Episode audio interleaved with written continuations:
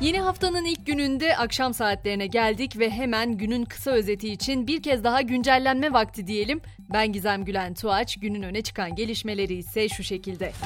İngiltere bugün yaklaşık 2 milyon kişiyle kraliçesine veda etti. İngiltere'nin en uzun süre tahtta kalan ve 96 yaşında hayatını kaybeden hükümdarı Kraliçe 2. Elizabeth'in Westminster Katedrali'nde düzenlenen cenaze törenine kraliyet aile üyelerinin yanı sıra birçok dünya lideri katıldı. Kilise töreninin ardından kraliçenin tabutu Londra sokaklarından geçirildi. Windsor Kalesi'ne ulaşan kraliçenin naaşı St. George Şapeli'nde eşi Prens Philip'in yanına defnedilecek. Bu arada Türkiye adına törenlere Törenlere katılan isminde Dışişleri Bakanı Mevlüt Çavuşoğlu olduğunu bir kez daha hatırlatmış olalım.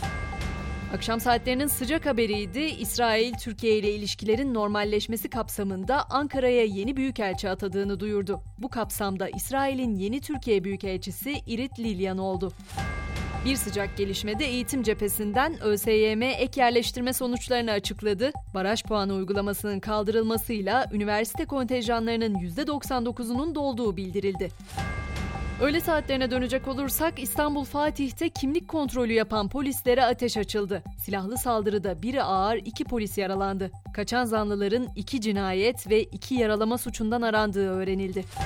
Yine yargı başlığıyla devam edelim. Türkoin davasında tutuklu sanık kalmadı. Kocaeli'de yerli dijital para vaadiyle 1 milyar liralık dolandırıcılık yapan ve 4 yıldan uzun süredir tutuklu yargılanan Sadun Kaya 10 milyon lira kefaletle tahliye edildi. Özellikle Avrupa'nın gündeminde malum doğal gaz konusu var. Enerji Bakanı Dönmez'den de bu konuyla ilgili Türkiye için açıklamalar geldi.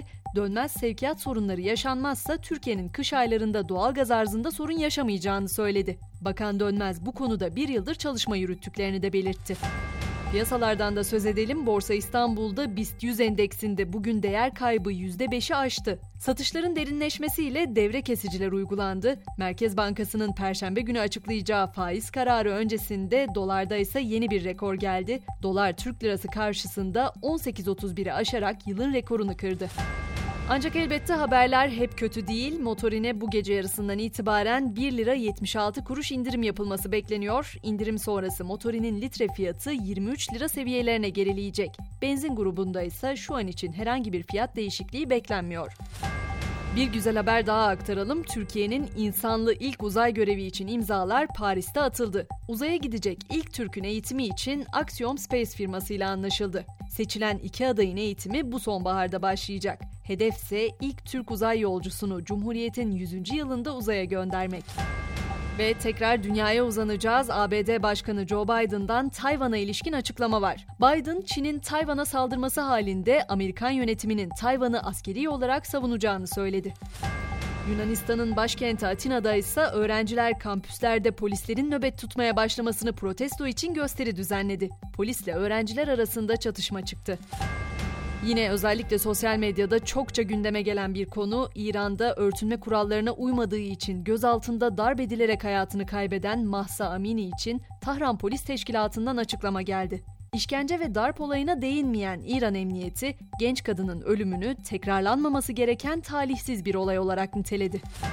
Ve bülteni noktalarken elbette spora da yer vereceğiz. Amili futbol takımımızın UEFA Uluslar Ligi 1. grupta Lüksemburg'u ağırlayacağı maçın hakemi belli oldu. Perşembe günü saat 21.45'te başlayacak olan karşılaşmayı Alman hakem Tobias Steyler yönetecek.